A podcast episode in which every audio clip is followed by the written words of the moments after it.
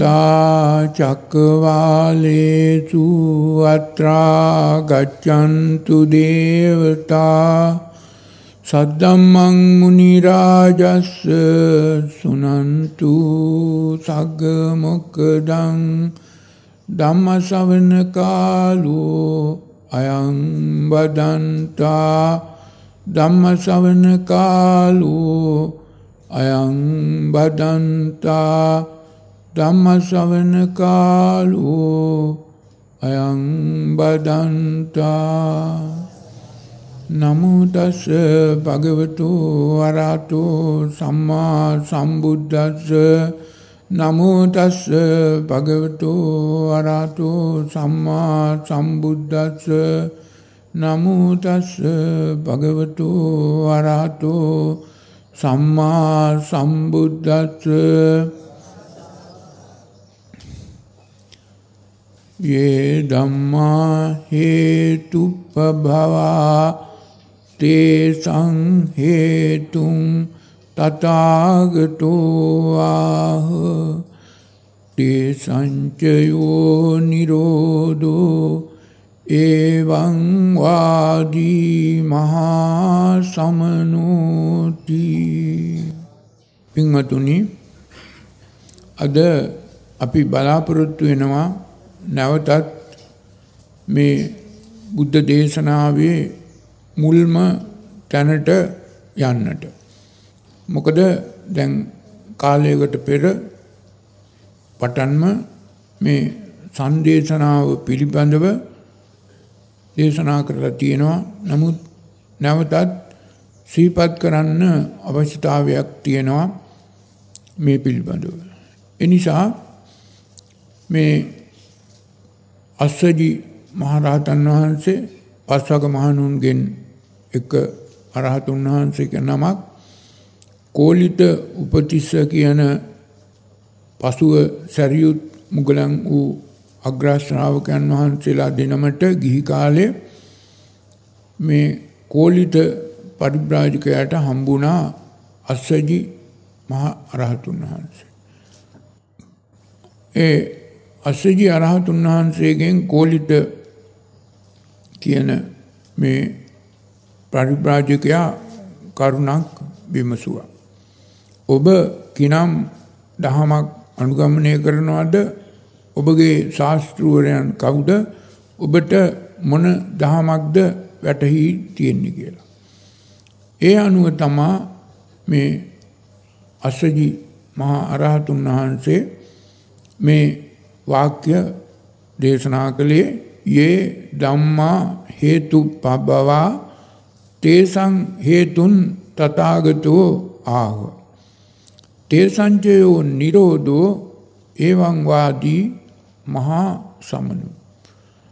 යේ ධම්මා හේතු පබවා හේතු නිසං හේතු නිසා ප්‍රභවය වෙනවා. භව ප්‍රභව වෙනවා.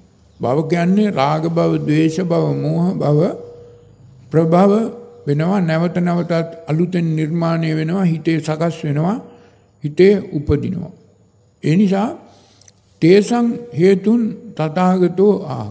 මේ සං තුන් ආකාරයකින් හිතේ යමෙකුගේ හිතේ ක්‍රියාත්මක වෙනවා. ප්‍රිය දෙයට ඇලීම හේතුවක් හැටියට සම්බන්ධතාවයක් උපදිනවා. ඒ වගේම අප්‍රිය දෙයට ගැටීම සම්බන්ධතාවයක් උපදින්නට පෘථග්ජන පුද්ගලයෙකුගේ හිතේ ක්‍රියාත්මක වෙනවා. එකත් දෙවෙනි වේශයෙන් සම්බන්ධ වීමක්. ඒ වගේම ප්‍රිය අප්‍රිය අතර මැනීම නිසා සංසන්දනය කිරීම නිසා පෘථග්ජන පුද්ගලයෙකුගේ තුල සම්බන්ධතාවයක් සමුදය ධර්මයක් උපදිනවා. එනිසා මේ රාග ද්වේෂ මෝහ කියන තුනේ එකතුව තමා තේ සං.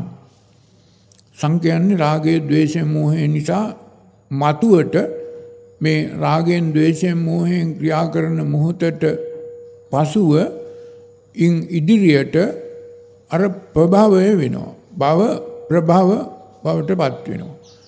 මේ භව ප්‍රභව බවට පත් වෙන්නේ රාග භව, ද්වේෂ භව, මෝහ භව නැවත නැවතත් අලුතෙන් හිතේ උපදිනවා ඒකට කියනවා ප්‍රභව කියලා. ඒ නිසා යම්කිසි කෙනෙක් මේ රාගයෙන් ද්වේෂයෙන් මෝහයෙන් කටයුතු කරනකොට අලුතෙන් මේ රාගය ද්වේෂය මෝහයම හිතේ ප්‍රභවය වෙනවා. පුනම් භව. අර පබවා ප්‍රභා කියන එකේ තවත් වචනයක් පුනක් භවෝති.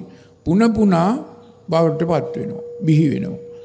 මේ හේතුව නිසා පෘථග්ජන පුද්ගලයෙක් මේ සංසාර ගමනට බැඳිනවා ඔය හේතු තුන නොදැනීම නිසා මේ හේතු ක්‍රියාත්මක කිරීම නිසා. ඒ නිසා බුදුහාමුදුරුවෝ දේශනා කළේ මේ හේතු තුනම යංකින්චි සමුදය ධම්මං සබ්බන්තං නිරෝධ ධම්මං. ඒ සමුදය වෙන අවස්ථාව යම් කිසි කෙනෙකුට තේරුම් ගන්න පුළුවන් නම් මේ සමුදය නිරෝධ කරන්න පුළුවන්. ඒකයි කිව්වේ තේසං හේතුන් තථාගතෝ ආහ තේසංචයෝ නිරෝධු. එවං වාදී මහා සමනෝ. ඒ මෙන්න මේ වාදයයි මෙන්න මේ ධර්මයයි මෙන්න මේ තේරුමයි මෙන්න මේ දේශනාවයි මේ ඒ මහා ශ්‍රමණයන් වහන්සේ ලෝකයාගේ විමුක්තිය පිණිස නිවන මිනිස මිදීම මිනිස දේශනා කරන්න කියලා මේ සංදේශනාවක් මේ වචන ටික මුල් කරගෙන අස්සජි අරහතුන් වහන්සේ ඒ උපතිස්ස කෝලිත උපතිස්සගෙන් කෝලිත කියන ඒ සරියුත් හාමුදුරුව පස්සේ ඒ පරිබ්‍රාජිකතුමාට දේශනා කළා. මෙතන දේශනා කළේ ඔය වචන හතර පමණක් නෙමේ ඒ ධම්මා හේතුප්පබවා තේසං හේතුන් තථාගතවාහ කියන ටික තමා කොටස නමුත් මේ සංදේශනාවක් දේශනා කළා. සංදෙස්සේති සම්මාදපේති සමුත්තේජේති සම්පහන්සේති බුද්ධ ඥාන පද හතරම ඔය වාක්‍ය පේලි හතරේ අන්තර්ගතයි. මොකද තේසං හේතුන් තථාගතෝ ආහ තේසංචයෝ නිරෝධෝ. මේ දෙක තමා ඔය බුද්ධ දේශනාවේ හරිය. පටිච්ච සමුප්පාද විග්‍රහයේ අවිද්‍යා මූල පටිච්ච සමුප්පාද විග්‍රහයත් කුසල මූල පටිච්ච සමුප්පාද විග්‍රහය කියන දෙකෙන්ම විග්‍රහ කරලා තියෙන්නේ මේ සං තේරුම් අරගෙන සං උදේවීම සමුදේවීම තේරුම් අරගෙන මේ සමුදය වෙන්නේ තමන්ගේ හිතේ සමුදය වෙන්නේ හේතුවක් නිසා හේතු තුනයි තියෙන්නේ රාගය හේතුවක් ද්වේෂය හේතුවක් මෝහය හේතුවක් මේ නිසා ඒ පුද්ගලයා තුල මේ සමුදය ප්‍රභාවය වෙනවා නම් අලුතෙන් සකස් වෙනවා නම් ඒ පුද්ගලයා දන්නේම නැතුව මේ සංසාර ගමනට සම්බන්ධතාවයක් අලුතෙන් ඇති වෙනවා. මේ සංසාර ගමන දිගින් දිගටම රිය ගමනක් හැටියට මේ ගමන් කරන්නේ මේ සමුදය ධර්මයක් තමන්ගේ හිතේ බිහිවන නිසායි. මේ සමුදය බිහි වෙන්නේ තමන්ගේ ඇහැ කන නාසය දිවකය මන කියන ආයතන හය අසංවර නිසායි. සංවර නැති නිසායි.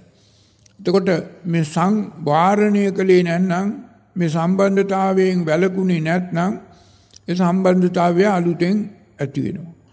ඒ නිසා අපි කියනවා ඒක අසංවරයි කියලා. එනිසා මේ ඇහැ කණනාසය දිවකය මන අසංවර නම් ඒ පුද්ගලයා තුල රාගය, ద్వේෂය, මෝහය ක්‍රියාත්මක වෙනවා. රාගය, ద్వේෂය, මෝහය ක්‍රියාත්මක වෙනවා නම් සමුදේ බිහි වෙනවා. මේ සසර ගමන යාමට අවශ්‍ය වන ශක්තිය උත්පාදනය වෙනවා. ඒ උත්පාදනය වෙන ශක්තියට කිව්වා බලයට කිව්වා සමුදය. එනිසා මේ සමුදය කියන එක තේරුම් ගන්න ඕනේ. මේ සමුදය වීමත් සමග දන්නේම නැතුව පුද්ගලයා තුල පුද්ගලයා මේ සංසාර ගමනට අලුතෙන් සම්බන්ධ වෙනවා. මේ සම්බන්ධතාවය උපන් මොහොතේ පටන් මිය යන මොහොත දක්වාම පෘථග්ජන පුද්ගලයෙක් තුල ඇතිවන අලුතෙන් ඇතිවන සම්බන්ධතාවයක්. මේ සම්බන්ධතාවය දිගින් දිගටම දිගින් දිගටම පවත්වාගෙන යෑම තමා අර අරිය පර්යේෂණ සූත්‍රයේ දේශනා කරපු අනරිය පර්යේෂණයක ප්‍රතිඵලය. ඒ නිසා මේ අරිය පර්යේෂණය කරනවා නම් මේ සමුදය බිහිවන ආකාරය යම් කිසි කෙනෙක් තේරුම් ගන්න ඕන. මේ සම්බන්ධතාවයක් ඇති වෙන්නේ තමන්ගේම ඇහැ කන නාසය දිවකය මන කියන අය අසංවර විදිහට ක්‍රියාත්මක වීම නිසා ප්‍රියදේට ඇලීම නිසා සමුදය බිහි වෙනවා සම්බන්ධතාවයක් ඇති වෙනවා. අප්‍රියදේට ගැටීම නිසා තරහා වෛර ක්‍රෝධ ඊර්ෂ්‍යා පටිඝ මෝහ මාන කියන මේ වගේ දේවල් නිසා අලුතෙන් සමුදය උපදිනවා සම්බන්ධතාවයක් ඇති වෙනවා. ප්‍රිය අප්‍රිය දෙක අතර සංසන්දනය කළ යම් ආකාරයක මනිනවා නම් ඒ මානය නිසා මැනීම නිසා මෝහය නිසා අලුතෙන් සමුදය බිහි වෙනවා සම්බන්ධතාවයක් ඇති වෙනවා. එහෙමනම් මේ සම්බන්ධතාවය ඇතිවන ආකාර තුනක් තමා එකතු කළා තේසං හේතුන් තථාගතෝ ආහ කියලා විග්‍රහ කළේ. ඒ නිසා සියලුම බුදුවරුන් දේශනා කරන්නේ මේ පටිච්ච සමුප්පාද ධර්මය. පටිච්ච වීම තියෙන තාක්කල් හිතෙන් පටිච්ච වෙන්නේ සමුදය සම්බන්ධතාවයක් අලුතෙන් උපදිනවා. පටිච්ච නූනොත් සමුදය උපදින්න බෑ උපදින්නේ නෑ. මේක හරියට ඇහැ පැත්තක තියෙනවා ඒ ඇහෙන් දකින්න පුළුවන් රූපය පැත්තක තියෙනවා මේ ඇහත් නිදහස් රූපයත් නිදහස් ද්‍රව්‍ය දෙකක් වස්තු දෙකක් අවස්ථා දෙකක් හැබැයි මේක මේ පටිච්ච වෙන්නේ අර හිතේ තියෙන රාගය ද්වේෂය මෝහය කියන මත්වීම නිසායි. පටිච්ච උනේ නැත්නම් සමුදේ බිහි වෙන්න බෑ. විඥාන ශක්තියක් උපදින්න බෑ. වේගයක් ආවේගයක් චිත්තාවේගයක් හිතේ උපදින්නේ නෑ උපදින්න බෑ. ඒ නිසා මේ ඇහැ කන නාසය දිවකය මන කියන හයම මේ පටිච්ච වෙන්නට ක්‍රියාත්මක වෙන්නේ පටිච්ච වෙන්නේ ඔය කියන ප්‍රියදේට ඇලීම කියන රාගය අප්‍රියදේට ගැටීම කියන ද්වේෂය ප්‍රියාප්‍රියාතර මැනීම කියන මෝහය පුතක්ජන පුද්ගලයෙක් තුළ ක්‍රියාත්මක වීම නිසායි. දැන් හොඳට කල්පනා කරගන්න ඕන අපි ජීවත් වෙනවා මේ ජීවිතය පවත්වාගෙන දිගින් දිගටම ගෙන යනවා කියන්නේ මේ රාගය ද්වේෂය මෝහය දිගින් දිගටම පවත්වාගෙන යෑම අලුතෙන් රාගයෙන් ද්වේෂය මෝහෙන් ක්‍රියාත්මක කරමින් ජීවත් වීම තමයි.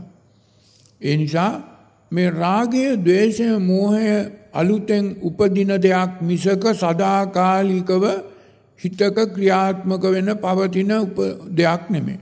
අලුතෙන් උපදිනවා. ප්‍රභවෝ කිව්වේ ඒකයි. ප්‍රභවය වෙනවා. අලුතෙන් ප්‍රභවය වෙනවා. මේ ප්‍රභවය වීමත් සමග තමා අර සංසාර සම්බන්ධය ඇති වෙන්නේ මේ සංසාර ගමන ගෙනියන්නේ මේ සංසාර ගමන පවත්වාගෙන යන්නේ මේ සංසාර ගමන පවත්වාගෙන යෑම නිසා තමා දුක උරුමයෙන් මේ දුකට හේතුව අපි මේ ප්‍රියයි මනාපයි මිහිරී හොඳයි සුවයි කියලා අල්ලගන්නා පංචස්කන්ධය අපිට කැමති දේ පවත්වන්න අපි උත්සාහ දරනවා. නමුත් මේ පංචස්කන්ධයේ නියම ස්වરૂපය නියත ස්වභාවය මේ මහා භූතවල අපෝ තේජෝ වායෝ පඨවි හතරෙම නියත ස්වභාවය විපරිණාමයට පත්වීම අන්‍යතාභාවයට පත්වීම අපි කැමතිසේ නොපැවති වෙනස් වීම.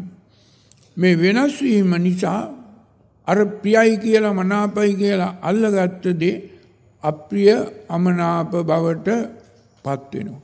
හැබැයි පෘථග්ජන ලෝකයා මේ දෙපැත්තම මේ ද්වතාවය දකින්නේ නැහැ. හේතුවත් ඵලයක් දෙකම දකින්නේ නැහැ. දකින්න බෑ. යම් කිසි කෙනෙකුට පුළුවන්කම තියෙනවා නම් හේතුවත් ඵලයක් දෙපැත්තම දකින්න අර පටිච්ච වීමත් සම්බන්ධතාවයක් උපත ලැබීමත් පටිච්ච සමුප්පාද ධර්මය දන්නවා. ඒකයි කිව්වේ යෝ පටිච්ච සමුප්පාදම් පස්සති සෝ ධම්මං පස්සති. යෝ ධම්මං පස්සති සෝ මං පස්සති කිව්වේ.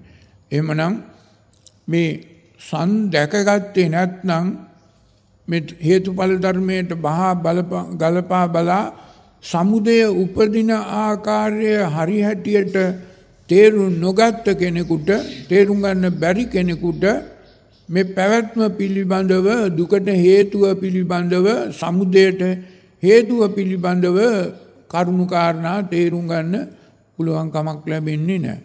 එවන් පුද්ගලයෙකුට මේ පැවැත්ම සාරයි කියලාමයි දකින්නේ. ඒ නිසා ඒ පුද්ගලයා සංසාරයි කියලා දිගටම මෙතෙකල් අනේක වූ ಜಾතිවල අතීතයේ සංසාරයි කියලා තීරණය කරලා මේ ගමන පාත්වගෙන ආපු පුද්ගලෙක්. අනේක ಜಾති සංසාරං සංකිවේ රාගය ද්වේෂය මෝහය. එනිසා රාගය ද්වේෂය මෝහය සාරයි කියන කියලා හිතන පුද්ගලයා මේ පැවැත්ම අද වෙනකං දිගින් දිගටම දිගින් දිගටම රාගෙන් ද්වේෂයෙන් මෝහය කියන මේ සම්බන්ධතාවයක් උපදින සමුදේ ධර්මයන් පවත්ව පවත්වා ආපු නිසා තමා මේ දුක් විඳ විඳ මේ ගමන ආවේ. ඒ නිසා ඒ පුද්ගලයාට පළමු කොටම සන් දැක ගන්න ඕන. ධම්මෝ සන්දිට්ඨිකෝ කියන தത്വයට ඒ පුද්ගලයාපත් වෙන්න ඕන. ධම්මෝ සන්දිට්ඨිකෝ කිව්වේ හේතුඵල ධර්මයට බහා ගලපා බලා විනයට සසඳා බලා ධම්ම විනයට මේ සන් දැක ගන්න ඕන. මේ සම්බන්ධතාවයේ උපදින හැටි දැක ගන්න ඕන. මේ සමුදය පිළිබඳව තේරුම් ගන්න ඕන. මේ සංසාර ගමනට මුල් වූ නිදාන වූ ප්‍රත්‍ය වූ හේතු මේ සමුදය දැක ගන්න ඕන. සමුදය දකිනා තාකල් කෙනෙක් මේ දුකට මුල් වූ නිදාන වූ ප්‍රත්‍ය වූ හේතුව දකින්නේ නැහැ. හේතුව තේරුම් ගත්තේ නැත්නම් ඵලය ඉවත් කරන්න බෑ. ඵලය තමයි දුක. හැම කෙනෙක්ම සමුදය බිහි වුණා නම් මේ සම්බන්ධතාවයක් ඇති කරගත්තා නම් අලුතෙන් යමකට සංදි වුණා නම් බද්ධ වුණා නම් උපාදානය කරගත්තා නම් අල්ලගත්තා නම් එකතු කරගත්තා නම් බදාගත්තා නම් ඒ එකතු කරගත්ත අල්ලගත්ත උපාදානය කරගත්ත සංදි වූ බද්ධ වූ දේ කිසිම දෙයක් නියතසේ නිච්චසේ සුඛසේ අත්සේ පාත්තන්න නවත්තන්න පුළුවන් කමක් නැහැ. ඒක නියත ධර්මතාවය මේ නියත ධර්මතාවය තේරුම් ගත්තේ නැති පුද්ගලයෙක් තමා මේ සංසාරයි කියලා රාගයෙන් ද්වේෂයෙන් මෝහයෙන් කටයුතු කරලා මේ සංසාර ගමන දිගින් දිගටම දිගින් දිගටම පවත්වාගෙන යන්නට තීරණය කළා වැඩ කරන්න. ඒ නිසා හොඳට තේරුම් ගන්න ඕන යම් කිසි කෙනෙක් මේ සංසාර ගමන දිගින් දිගටම පවත්වාගෙන යන්නට මුල් වූ නිදාන වූ ප්‍රත්‍ය වූ හේතුව වූ සම් දැක ගන්න ඕන කොහොමද හේතුඵල ධර්මයට පහ ගලපා බලා ධම්ම විනයට සසඳා බලා. ඒක නිසා මේ සංදේශනාව හරියට අහලා තේරුම් නොගත්ත කෙනෙකුට මේ තමන්ගේ හිතේම උපදින සමුදය ධර්මයන් පිළිබඳව තේරුම් ගන්න බෑ. සමුදය උපදින්නේ රාගයෙන් ප්‍රිය දෙයට ඇලීමෙන්, ද්වේෂයෙන් අප්‍රිය දෙයට ගැටීමෙන් සහ ප්‍රියාප්‍රිය අතර මැනීම කියන හේතු තුන නිසායි. ඒ නිසා බුදුහාමුදුරුවෝ මේ දේශනා කරපු ධර්මය හරිහැටියටම තේරුම් ගන්න නම් මේ සංදේශනාවක් පිරිසිදුව පැහැදිලිව තේරුම් ගත යුතුයි. මේ සම්බන්ධය ඇතිවන ආකාරය තමන් තමා තුළින් දැකිය යුතුයි. මේක බාහිර ලෝකෙන් දකින්න පුළුවන් කමක් නෑ. තමන්ගේ ඇහෙන් තමන් රූපයක් දැක්කොත් එක ප්‍රියනම් ඒකට බැඳෙනවා සම්බන්ධයක් ඇති වෙනවා ඒක රාගය. ඒ ඇහෙන් දැක්ක රූපය අප්‍රිය නම් අමීඩි නම් අමනාප නම් නොපෑහෙනවා නම් නොගැලපෙනවා නම් එතන සම්බන්ධතාවය ඇති වෙන්නේ දෙවෙනි වේශයෙන්. එක ගැටුමක්. හැබැයි ගැටුම වුණාට ඒකත් සම්බන්ධතාවයක්. ඇලීමෙනුත් සම්බන්ධතාවයක් සමුදේ බිහි වෙනවා. ගැටීමෙනුත් සම්බන්ධතාවයක් සමුදේ බිහි වෙනවා. ඒ වගේම මේ දෙකක් සංසන්දනය කළොත් ඒ සංසන්දනය කිරීමෙනුචාත් ඔය ප්‍රියාප්‍රියතාවය ඇති වෙලා මේ සමුදය බිහි වෙනවා සංසාර සම්බන්ධයක් ඇති වෙනවා මේ හේතු තුන තමා මේ සමුදය බිහි වෙන්න මුල් වෙන්නේ නිදාන වෙන්නේ ප්‍රත්‍ය වෙන්නේ උපකාර වෙන්නේ. ඉතින් ඒක නිසා මේ ප්‍රිය දෙයට ඇලෙන්නේ තමන් අප්‍රිය දෙයට ගැටෙන්නේ තමන් ප්‍රියාප්‍රිය අතර වැරදිසේ මනින්නේ තමන්. මේක නවත්ත ගන්නත් පුළුවන් වෙන්නේ තමන්ට. ඒ නිසා තමන්ගේ ඇහැ කනනාසය දිවකය මන කියන හය ආයතන හයක් කටියට ක්‍රියාත්මක වෙන තාක් කල් මේ අලුතෙන් සම්බන්ධතාවය ඇති වෙනවා. සමුදය බිහි වෙනවා. සංසාර ගමන්ට බැඳෙන ක්‍රියාකාරකම් කරනවා සසර දුක තමන්ම හදාගන්නවා නිර්මාණය කරනවා තමන් මේ සංසාර දුක හදාගන්නේ නොදැනුවත්කම නිසා මොකද ඒ ප්‍රියදේට ඇලීම ආස්වාදයක් අප්‍රියදේට ගැටීමත් ආස්වාදයක් ප්‍රියාප්‍රියාතර මැනීමත් ආස්වාදයක්. ඒ ආස්වාදය විඳින්න දන්නවා විඳිනවා හැබැයි ඒ ආස්වාදය නිසා තමන්ට උරුමවන ආදීනවය දකින්නේ නෑ පේන්නේ නෑ පෙන්න්න බෑ බලන්න බෑ හේතුව මෝහයෙන් මුවා වෙලා. ඒ නිසා පුද්ගලයා අන්ද වෙලා. දැන් මේ සං කියන්නේ රාගයේ ද්වේෂයෙන් මෝහය බන්ධ කියන්නේ මේ භව බිහි කරනවා බැඳීමක් අලුතෙන් බිහි කරනවා පුනා භව එහෙම නැත්නම් ප්‍රභව කියපු එක මේක වෙන්නේ අන්ධ නිසා.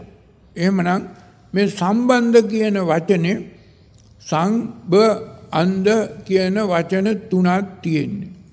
ඒ නිසා මේ සම්බන්ධතාවයක් ඇති කරගන්නේ ඇහෙන් කනෙන් නාසයෙන් දිවෙන් කයෙන් මනින් මිසක් වෙන කොහෙන්වත් නෙමේ ඒ සම්බන්ධතාවය උරුම වෙන්නේ Tamanට දුකට හේතු වෙන්නේ සම්බන්ධතාවය ඇති කර ගැනීම නිසා තමන් අන්ධයෙකු බව පොට්ටයෙකු බව පොට්ටපාද සූත්‍රයේ දේශනා කරපු මේ පොට්ට පාද කියන තත්වයට පත් වෙන්නේ ඔය සමුදය අන්ධ ලෙස බන්ධ වීම නිසායි. සමුදය උත්පාදනය කරගෙන අන්ධ ලෙස ලෝකයට බැඳීම නිසායි.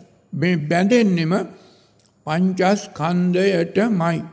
මේ පංචස්කන්ධයේ තියෙනවා චත්තාරෝ මහා භූත කියලා කොටසක්. ආපෝ තේජෝ වායෝ පඨවි. වෙන කිසිම දෙයකට අපි බැඳින්නේ නැහැ. හැබැයි මේ චත්තාරෝ මහා භූත ඊට පස්සේ චතුන්නංච උපාදාය රූපං කියලා මේ සත්තට්ඨාන කුසල සූත්‍රයේ තවත් බොහෝ තැන සලායතන සූත්‍රයේ විග්‍රහ කරලා තියෙනවා. චත්තාරෝ මහා භූතා කිව්වේ ආපෝ තේජෝ වායෝ පඨවි මහා භූත හතර. නමුත් මේ උපාදාය චතුන්නංච උපාදාය රූප කිව්වේ මේ ආපෝ තේජෝ වායෝ පඨවි භූතවලට වඩා වෙනස් ආකාරයකින් පෘථග්ජන පුද්ගලයෙක් තුල ක්‍රියාත්මක වෙනවා.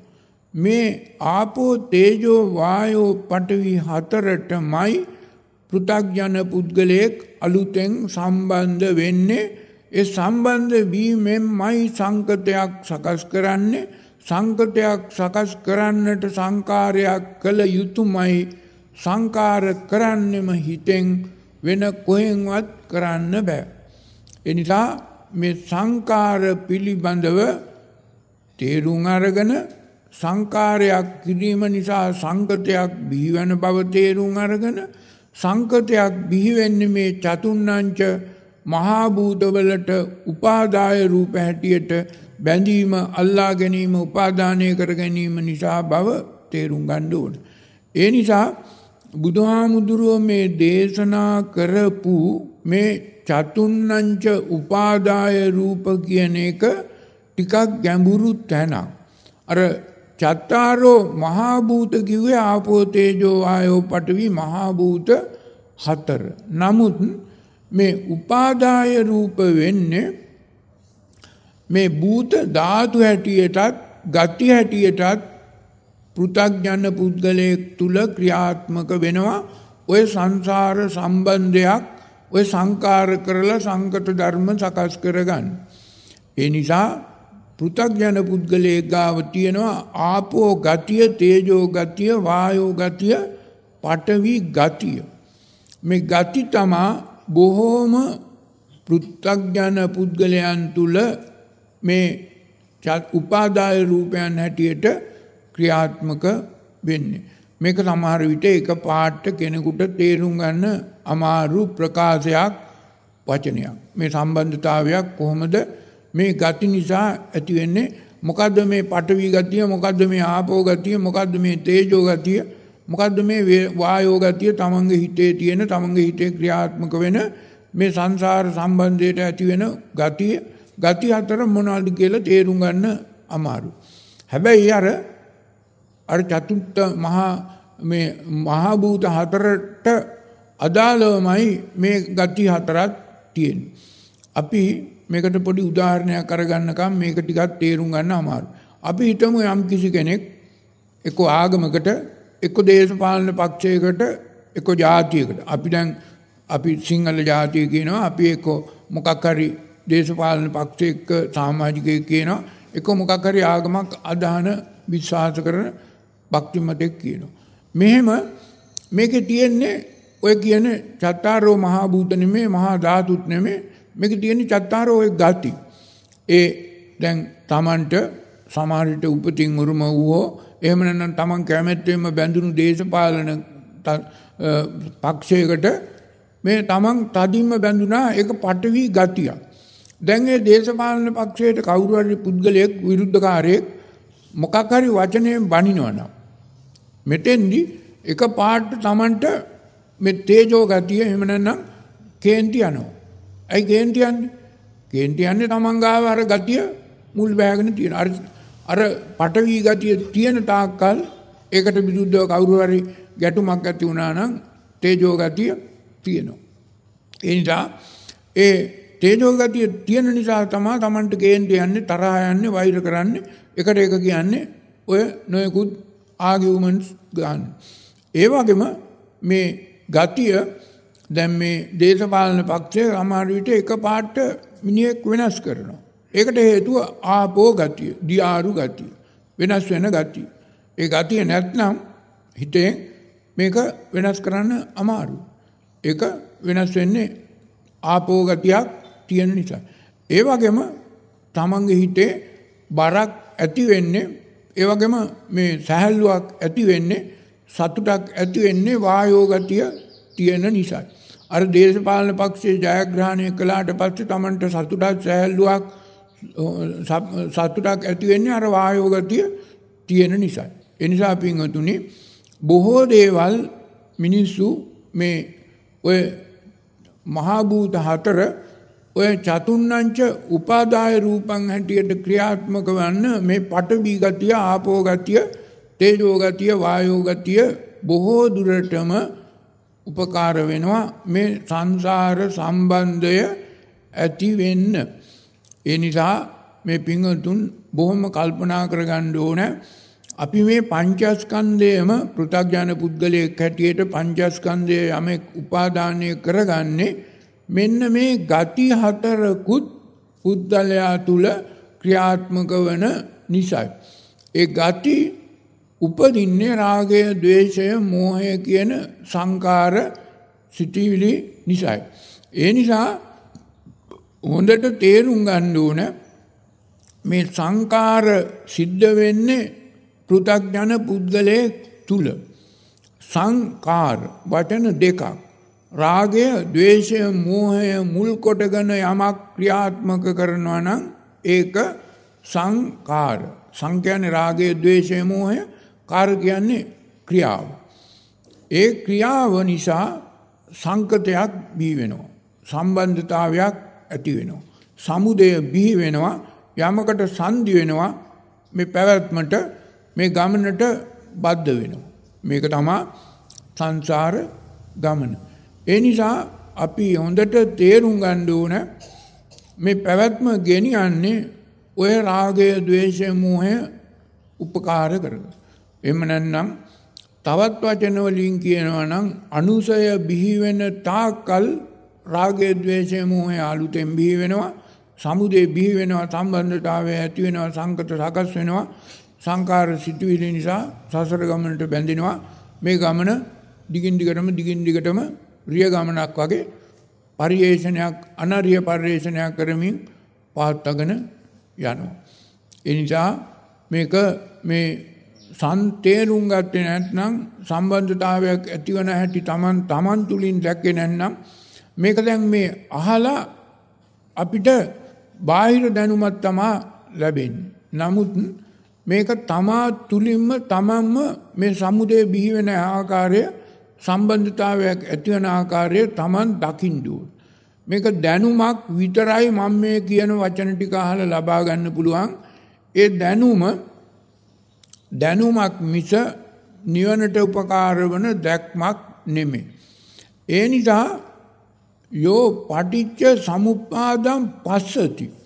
පස්සති කියන්නේ පසක් කොට දකින්න ඕන. මේක ඥානතෝ කියන්නේ දැනුම පස්සතෝ කියන්නේ පසක් කොට දැක්ම. ඒ නිසා ධම්මෝ සන්දිට්ඨිකෝ කියන්නේ මේ සං උපදින ආකාරය පසක් කොට දකින්න ඕන තමන්ගෙම ක්‍රියාකාරීත්වය තුලින්. එහෙම ක්‍රියාකාරීත්වය තුලින් තමන්ම අධ්‍යයනය කළා මේ සංසාර සම්බන්ධයට ඇලෙන ගැටෙන මුලා වෙන හැටි දැක්කේ නැත්නම් මේ සන් දැකගත්තයි කියලා කියන්න බෑ ධම්මෝ සම්දිට්ඨිකෝ උණයි කියලා කියන්න බෑ. එහෙම පුද්ගලයෙකුට නිවන් මඟ විවෘත කරගන්න බෑ. සම්මාදිට්ඨියට පත්වෙන්නේ නෑ. සම්ම දක්කාතා කියන తত্ত্বය උදා වෙන්නේ නැහැ. සම්ම දක්කාතා කිව්වේ මේ සම් දැකලා මේ සංවලින් මිදී නිදහස් විය යුතුයි නිදහස් විය හැකි. මේක සදාකාලයටම පවතින දෙයක් නෙමේ. තමන්ම උපද්දවාගත් දෙයක් තමන්ට අනුපාද වශයෙන් නිරෝධ කළ හැකි. රෝධ නොකර හිතෙන් එදිගේ ගමන් නොකර රෝධ නොකර නිරෝධ කළ හැකි. නිරෝධ කළ යුතුයි. යංකින්චි සමුදය දම්මන් සබ්බන්තං නිරෝධ දම්මන් කිව්වේ ඒකයි. ඒ නිසා යම්කිසි පුද්ගලයෙකුට ඉවසීමක් විමසීමක් තියෙනවා නම් මේ සංකාර තේරුම් අරගෙන සංකත සකස් නොකර මේ සංසාර සම්බන්ධයෙන් මිදී නිදහස් වෙන්න කටයුතු කරන්න පුළුවන්. ඒ නිසා තේරුම් ගන්න ඕන මේ අපි මේ ලෝකෙට එනකොට අපි කිසිම දෙයක් ගෙනාවි නැහැ. මිනිහෙක් හැටියට මව්කුසෙන් බී වෙලා එනකොට මේ අපිට මේ අද උරුම වෙලා තියෙන භෞතික භෞතික ලෞකික නෑදෑයෝ යාළුවෝ මිත්‍රයෝ ඒ වගේම දේපොළ ඉඩ කඩම් යාන වාහන මේ සියලුම දේවල් අපි ඉපදුනාට පස්සේ අපිට හමු වුණ සම්බන්ධ වුණ අපි එකතු කරගත්ත අල්ලගත්ත අයිති කරගත්ත ගොඩ ගහගත්ත උපාදානය කරගත්ත දේවල්. මේවා කිසිම දෙයක් අපි අවසාන වශයෙන් මරණයට පත් වෙලා යනකොට අබමල් රේණුවකවත් නූල්පටකවත් දෙනක් දෙයක් ගෙනාවේ නැතුව වගේම ගෙනියන්නෙත් නෑ. ඔය භෞතික ලෞකික දේවල්.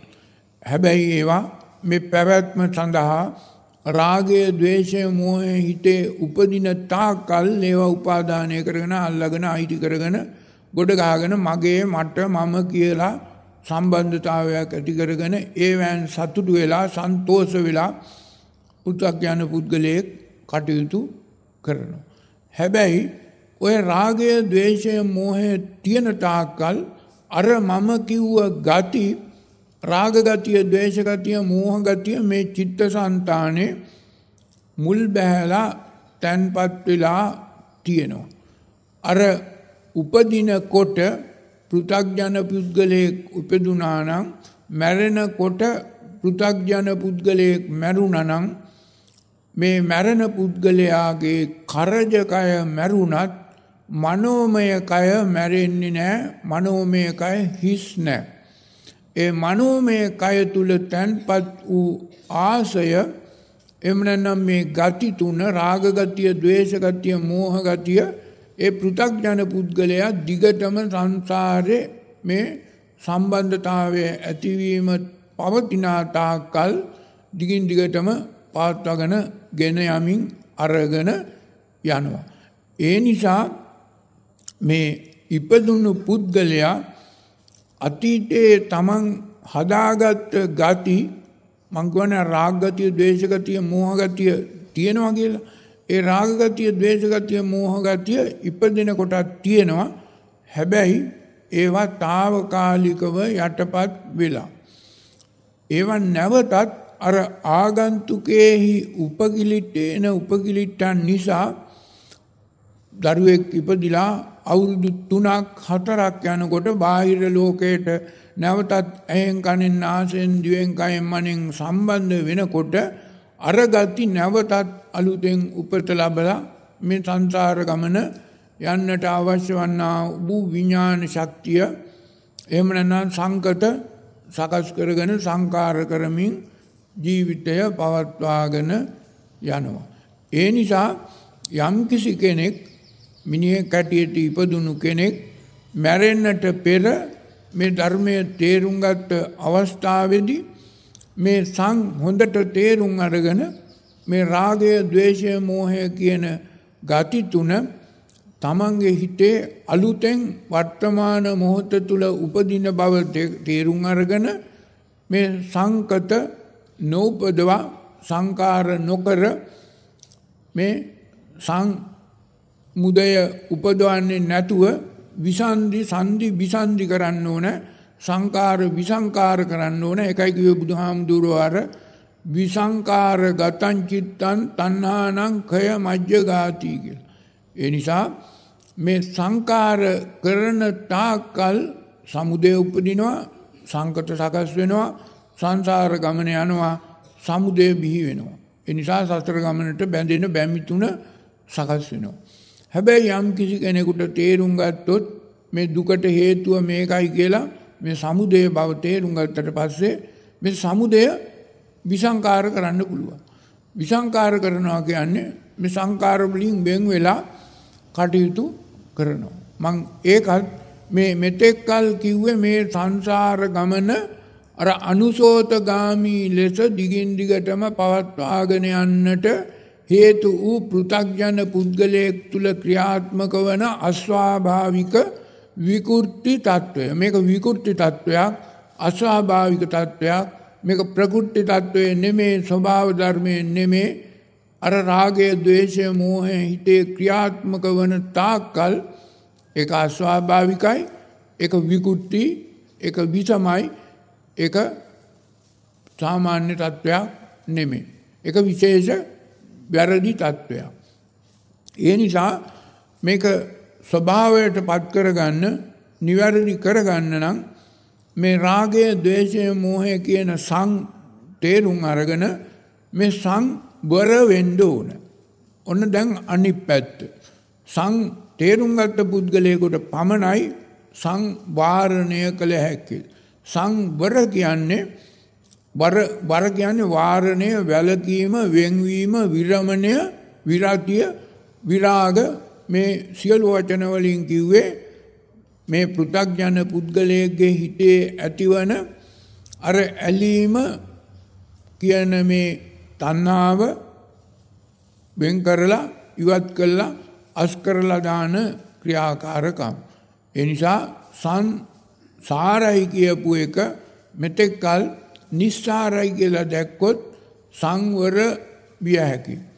එනිසා ඉස්සෙල්ලම සංවර කරගත යුත්තේ තමන්ගෙම ඇහැ කන නාසය දිවකය මන කියන ඉන්ද්‍රිය හය.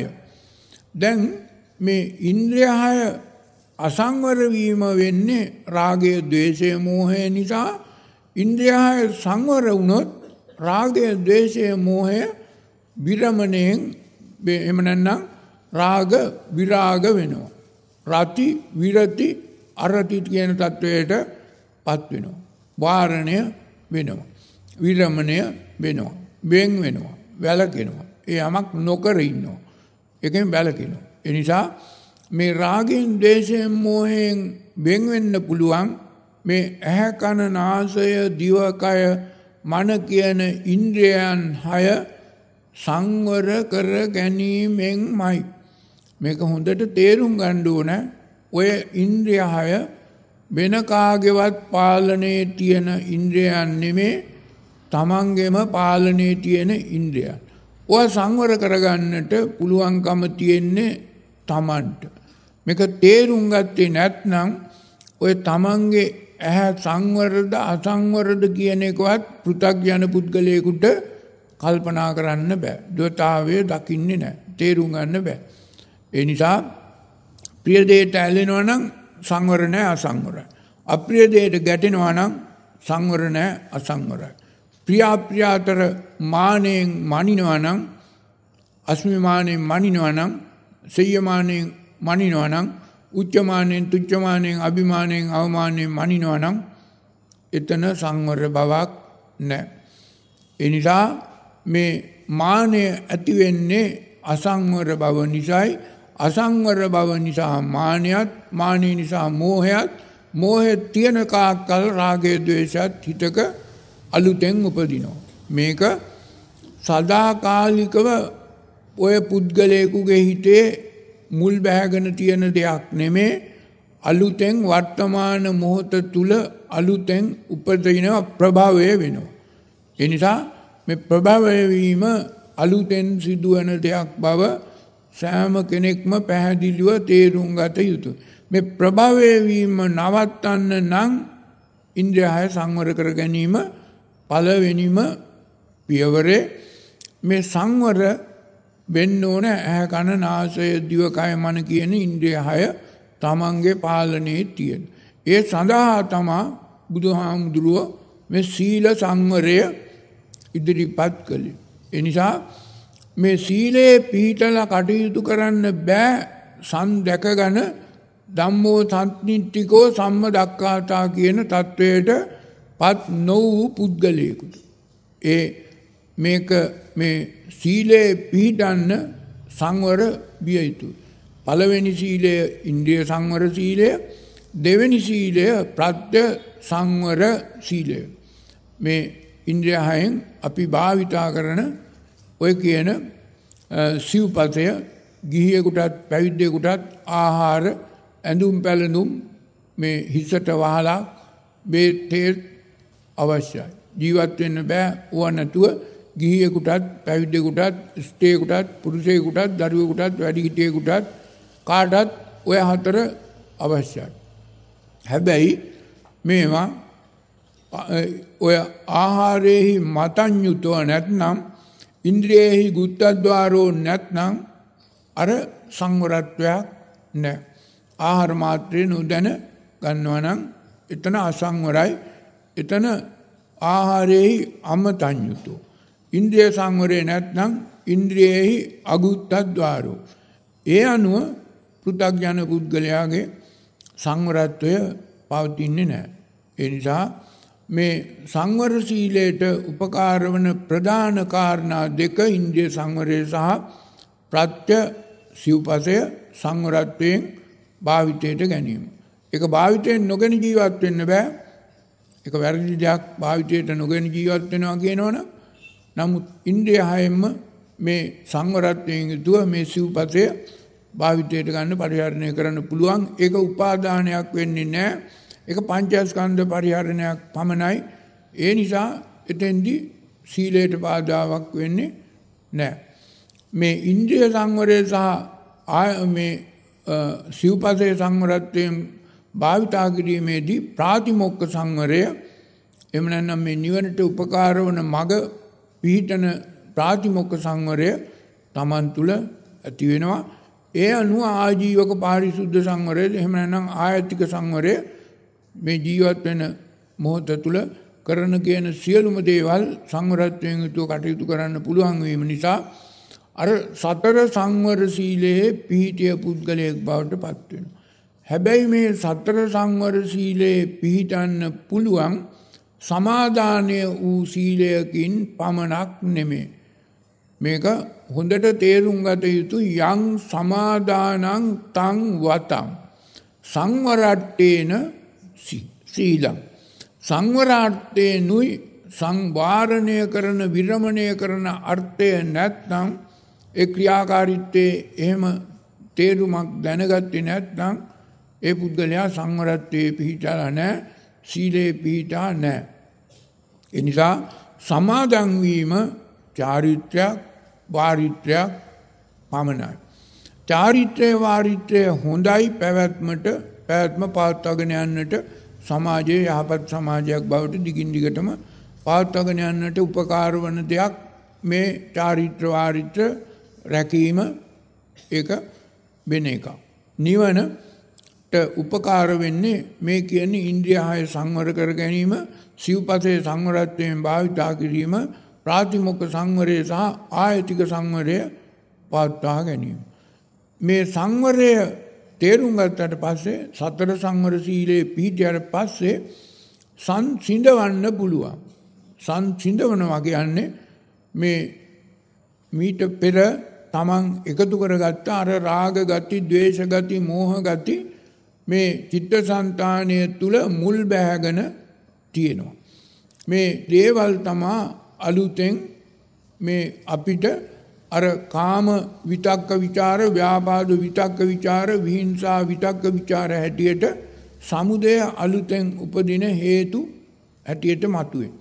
ඒ නිසා මේ අපිට කාම විතක්ක ਵਿਚාර ව්‍යාපාද විතක්ක ਵਿਚාර විහිංසා විතක්ක ਵਿਚාර මතුවෙන වර්තමාන මොහොත තුලදීම අපිට පුළුවන් ඒවා සංසිඳවන්න. ඒ සඳහා සමස විපස්සනා දෙකම භාවනා හැටියට උපකාර කරගන්න පුළුවන් මෙත්තානුසති අසුභානුසති මරණානුසති බුද්ධානුසති හැටියට භාවිතා කිරීම. ඒ අනුව සංසිඳවන්නට පුළුවන්කම තියෙනවා මේ සංවර වෙලා සංසිඳ වූ පුද්ගලයාට පුළුවන්කම තියෙනවා සම්මා කියන තත්වයට පත්වෙන්. සංමා කියන්නේ මා කියන වචනේ බුද්ධ දේශනාවේ මූල පරියාය සූත්‍රයේ එකසිය විසිහත්තර ආකාරයකට විග්‍රහ කරපු දේ ධම්මචක්කපවත්තන සූත්‍රයේ මා විග්‍රහ කළ තියෙනවා. නොයෙකුත් ආකාරයට මජ්ජි මා හැටියට විග්‍රහ කළ තියෙනවා. සම්මා අංග හැටියට අටක් විග්‍රහ කළ තියෙනවා. මා කියන වචනේ තේරුම මේ රාගයෙන් මේ ද්වේෂයෙන් මෝහයෙන් හිත සහ මුලින්ම මුදවා නිදහස් කර ගැනීම මා සංමා එනිසා සම්මා අංග 8 පූර්ණ කරගන්නවා කියන්නේ මේ රාග මුල, ద్వේෂ මුල, මෝහ මුල හිතෙන් සාමුලින්ම උදුරලා දාලා අස් කළා අයින් කරලා මේ රාගයෙන්, ద్వේෂයෙන්, මෝහෙන් හිත මුලින්ම මුදවා නිදහස් කර ගැනීම. ඒක කරන්න පුළුවන්. ඒක කරන්න බැරි නම් බුදුහාමුදුරුවෝ දේශනා කරන්න. මේ සඳහා උපකාර වෙන්නේ සංකාර උපේක්ඛා ඥානෙ. සංකාර උපේක්ඛා ඥානෙ.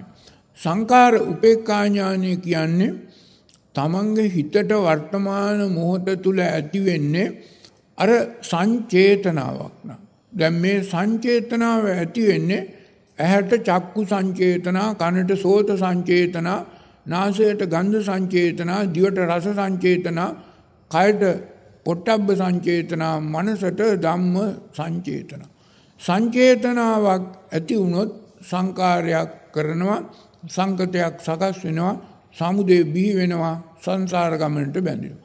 මේ සංචේතනා හොඳින් අඳුනගත්තොත් මේ සංචේතනාව හේතුඵල ධර්මයට බහා ගලපා බලලා ආදීනවානිසංස තේරුම් අරගෙන සබ්බේ සංකාරා අනිච්චාති සබ්බේ සංකාරා දුක්ඛාති සබ්බේ ධම්මා අනාත්තාති කියන ත්‍රිලක්ෂණය තේරුම් ගත්තට පස්සේ මේ සියලු සංචේතනා නිත්‍යසේ සුඛසේ අත්ථසේ පවත්වන්නට නවත්තන්නට පුළුවන් දේවල් නෙමේ.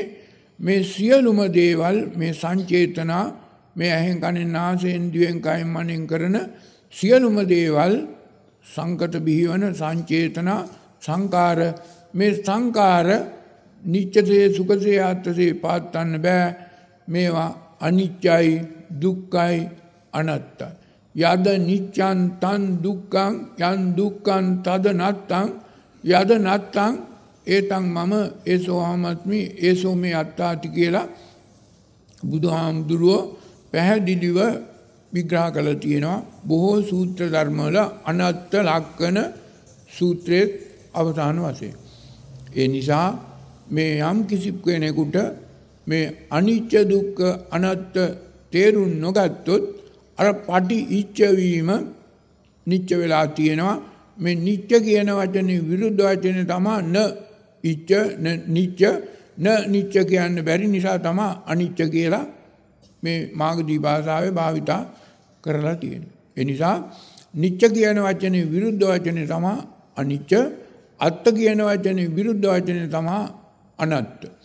ඒ නිසා මේ අනත්තාති තේරුම් ගන්නකම් මේ අනාත්ම බවට පත් වෙන්නේ හේතුව අර මේ සංකත සංකාර අපි මේ සම්බන්ධයක් ඇති කරගත්ත මේ සමුදය නිසා මේ පංචස්කන්ධයේ උපාදානය කරගත්ත දේ අපි හිතෙන් කරගත්තේ ඒ හිතෙන් අල්ලගත්ත උපාදානය කරගත්ත අයිති කරගත්ත සම්බන්ධයක් ඇති කරගත්ත සංදි වූ බද්ධ වූ මේ දේවල් අපිට කැමතිසේ නිසිසේ ඍෂිසේ පාවිච්චි කරන්න පරිහරණය කරන්න අයිති කරගන්න උපාදානය කරගෙන පවත්ව ගන්න පුළුවන් කමක් නැහැ. ඒ සියලු දේ අපි උපාදානය කරගත්තා නම් ඒ උපාදානය කරගත්ත මොහොතේ පටන් අන්‍යතාභාවයට පත් වෙලා අනිත්‍ය බවට පත් වෙලා විපරිණාමයට පත් වෙලා අපිට දුක උරුම කරගන්න. ඒ නිසා මේ දුක උරුම කර දෙන්නේ තමන්ගේ නිච්ච ඉච්ඡ නිච්ච වුණු නිසායි. ඒ නිසා මේ ඉච්ඡනිච්ච වීම නවත්තන්න නම් අනිත්‍ය දුක්ඛ අනාත්ම මෙනෙහි කළා. නිබ්බිදා කියන தത്വයට ඒ නිච්ච නිසා බැඳෙන තැනෙන් මිදී නිදහස් වෙන්න ඕන නිබ්බිදා. නොබැඳී නිදහස් වෙන්න ඕන. ඒ නිසා මේ සංසාර ගමනෙන් මිදී නිදහස් වෙන්න නම් අනත්තලක්කන සූත්‍රෙත් අනුධම්ම සූත්‍රවලත් විග්‍රහ කරලා පෙන්නු. මේ කියන අනිච්ච දුක්ඛ අනාත්ම තේරුම් අරගෙන නිබ්බිදා විරාගා නිරෝධා පටිනිසග්ග කියන හතර බුද්ධානුස්සතිය මරණානුස්සතිය තේරුම් ගන්න ගන්න ඕන. තේරුම් අරගෙන මේ ගමන මේ නවත්තන්න මේ සංසාර ගමන නිස්සාර බව අසාර බව අනාථ වන බව තේරුම් අරගෙන මේකෙන් මිදී නිදහස් වෙන්න පුළුවන්. ඒකයි දුකෙන් මිදී නිදහස් වීම කියන්නේ. එහෙමනම් සෑම කෙනෙක්ම තේරුම් ගන්න ඕනේ මේ දුක කියන එක ඵලයක් Taman හදාගත්ත ඒකට හේතුව සමුදයයි. මේ සංසාර ගමනට සම්බන්ධ වෙන්නේ ඇහෙන් කනින් නාසයෙන් දිවෙන් කයෙන් මනෙන් ওই පංචස්කන්ධය අර භූත හැටියට ධාතු හැටියට ගති හැටියට කෙනෙක් පෘථග්ජන තත්වයෙන් උපාදානය කරගන්නවා. මේ උපාදානය කරගන්නේ නෑ මේක ඇත්ත යථා භූත ඥාන දර්ශයෙන් දැක්කහම ඒ අනුව ධම්මෝ සම්දිත්තිකෝ සම්ම දක්ඛාතා සම්මාදිට්ඨි කියන තත්වයට පත් වෙලා සංවර වෙලා සංසිඳ වෙලා සම්මා කියන තත්වයෙන් කෙනෙකුට මඟඵල ලැබලා සත්‍තිස් බෝධිපාක්ෂික ධර්ම පූර්ණ කරගන්නට පුළුවන් වන බව සෑම පින්වතෙක්ම තේරුම් ගත යුතුය. සාදු සාදු සාදු. පින්වතුනි පැයක් වමන වේලාවක් ධර්ම ශ්‍රවණය කිරීමෙන් තුන් සිත පහදාගත් ආ වූ මේ පින්වතුන්ගේ අවසාන යුතුයකම් සහ පරමාර්ථය වෙන්නේ පින් අනුමෝදන් කිරීම, පින් දීම, පින් පැවරීම. ඒ නිසා මේ පින්වතුන් සියලුම දෙනා සිහිපත් කරගන්න ඕනේ. තමන්ගේ තුන් සිත පහදාගෙන ඒ තම තමන්ගේ යුතුයකමක් වගේමක් හැටියට සියලුම ඥාති මිත්‍රාදීන්ට පින් දීලා පින් පවරලා පින් අනුමෝදන් කරන්නට. ඒ නිසා මේ සංසාර ගමනේ කවදා කොතනකදී මොනියම් ආකාරයකින් හෝ තම තමන්ට උදව් කළ උපකාර කළ මඟ පෙන්වූ පිහිට වූ සම්බන්ධ වූ සියලුම ඥාති මිත්‍රාදීන්ට මව්දි මව්පියන්ට වැඩිහිටියන්ට ගුරුවර ඥාති මිත්‍රාදීන්ට පින් දීලා පින් පවරලා මේ පුණ්‍ය ශක්තියේ බලෙන් සියලු ඥාති මිත්‍රාදීන් සසර දුකින් මිදී නිදහස් වන්නට නිවන් සුවයෙන් සුවපත් වන්නටම මේ පුණ්‍ය ශක්තිය උදව් වේවා උපකාර වේවා හේතු ආසනාව වේවා කියලා සාදුකාරය. ඒ වගේම සියලුම දෙවි දේවතාවුන් වහන්සේලාට පින් දීලා පින් පවරලා පින් අනුමෝදන් කළා මේ පුණ්‍ය ශක්තියේ බලෙන් සියලු දෙවියෝ සසර දුකින් මිදී නිදහස් වෙත්වා නිවන් සුවයෙන් සුවපත් වන්නට සියලු දෙවියන්ටත් මේ පුණ්‍ය ශක්තිය උපකාර වේවා උදව් වේවා හේතු ආසනා වේවා කියලා සාදුකාරය. ඒ වගේම සියලු භූත ભેද පිසාචාදී වූ අමනුෂ්‍ය කොට්ටාස ත්‍රිසං අපාගත සතර අපාගත සත්ව කොට්ටාස අසඤ්ඤ තල වල ඉන්නා වූ අනන්ත අප්‍රමාණ සත්වයන් කෙරෙහි අනුකම්පා සිතක් ඇතුව සියලු සත්වයින්ටත් පින් දීලා පින් පවරලා පින් අනුමෝදන් කළා මේ පුණ්‍ය ශක්තියේ බලෙන් සියලු සත්වයෝ සතර දුකින් මිදී නිදහස් වෙත්වා නිවන්සුවෙන් සුවපත්වෙත්වා කියල් සාධකාරයක්ද. දැ මේ පින්වතුන් මේ ගාථාවන් කියලා පින් අන්මෝදන් කරන්න ගාථාවන් කියන්න එත්තාවතාචම්මේ සම්බදම් පුං්ඥ සම්පදං සබ්බේ දේවානුමෝදන්තු සබ්බ සම්පත්ති සිද්ධියා එත්තාවතාචම්මේ සම්බදම් පුං්ඥ සම්පදං සබ්බේ භූතා අනුමෝදන්තු සබ්බ සම්පත්ති සිද්ධියා. එත්තාවතාචම්මේහි සම්බදම් පුඤ්ඤ සම්පදං. සබ්බේ සත්තා අනුමෝදන්තු සබ්බ සම්පත්ති සිද්ධියා. ඉදම්මේ ඥාතිනං හෝතු සුකිතා හුන්තු ඥාතයෝ. ඉදම්මේ ඥාතිනං හෝතු සුකිතා හුන්තු ඥාතයෝ. ඉදං බෝඥාතිනං හෝතු සුකිතා හුන්තු ඥාතයෝ. ඉමිනා පුඤ්ඤකම්මේන මාමේ බාල සමාගමු. සතන් සමාගමෝ හෝතු යාව නිබ්බාන පත්තියා.